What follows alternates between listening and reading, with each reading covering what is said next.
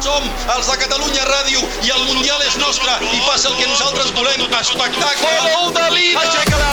Aixeca-la! Fixa, però com corre tu moto! Univers MotoGP. Però que animal és! El champion! La champion! Univers MotoGP. Amb Damià Aguilar.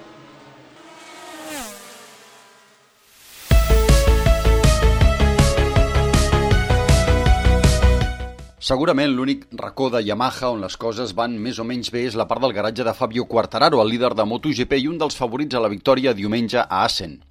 Morbidelli s'ha lesionat el genoll i passa avui pel quiròfan.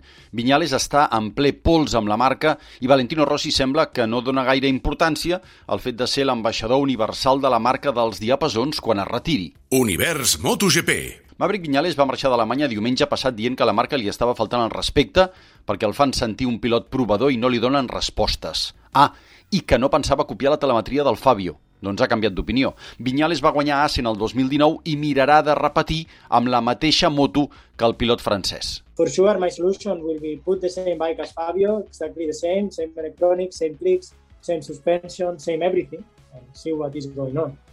Because at the end, uh, we didn't solve nothing. So here in I will copy exactly everything. Everything. And we will see. Electrònica, suspensió, el mateix. Copiaré exactament tot el que faci i veurem com va, explica. Maverick Viñales afegeix que es veu forçat a fer-ho, vol respostes i no les té, i no ha girat full. Para mí el mayor problema es no tener una respuesta a lo que está sucediendo. El, el, el no sé es un poco ya repetitivo y es lo que realmente a mí me fastidia, ¿no? Porque si realmente me dijeran, pues mira, hay esto, yo diría, vale, pues trabajamos en eso. Pero la mayoría de los fines de semana es un no sé constante. Entonces, cuando es un no sé constante, yo ya no sé dónde trabajar, ya no sé dónde focalizarme, no sé realmente dónde hay, porque es que otras veces lo había dejado pasar, esta vez no. Otras veces era como, vale, bueno, ha sucedido esto, eh, y ahora intentaremos solucionar la siguiente carrera. Pero esta vez me ha dolido. La verdad es que me ha dolido y no, no lo voy a olvidar esto. Entonces, ya veremos.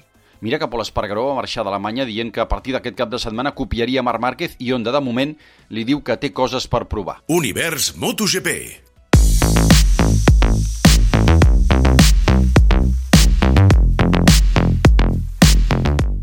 Bé, anem al segon riu remogut en què neda Yamaha.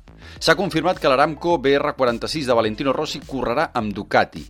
Hi haurà el germà petit Luca Marini i la segona moto de moment no s'ha dit per qui serà. El príncep saudita Abdullah bin Abdulaziz Al Saud, que deu manar molt en això de concedir patrocinis, ha convidat Rossi a seguir en actiu a l'equip de la seva propietat. Et pots imaginar que Marini ha dit que seria un somni córrer amb son germà, però Valentino ha estat més racional. I, I still not decide uh, because um, I will think more. Uh, No ho he decidit encara. M'ho vull rumiar millor aquest estiu. Ara m'amoïna fer bons resultats, però no veig fàcil que pugui seguir amb Yamaha la pròxima temporada. Uh, I sí que és cert que el príncep saudita m'ha convidat a córrer al meu propi equip amb la Ducati, però també ho veig molt complicat. La pregunta bona ha estat si encara podrà ser ambaixador de Yamaha i la resposta és sempre duré Yamaha al cor. Ui, sona com si Yamaha hagués perdut el seu ambaixador, no? Perquè si has de ser ambaixador quan et retiris però vas pel paddock amb una samarreta amb el logotip de Ducati, complicat. Negocis la BR46 en té diversos amb Yamaha. Aviam com acaba això. Encara que si Rossi vol saber com es fa això de canviar-se de samarreta entre sessió i sessió, al paddock en trobarà exemples a dojo. I a tot això, no sé si hi ha hagut contraprogramació, però fa 4 anys que Valentino no guanya cap cursa i no se n'ha parlat gens.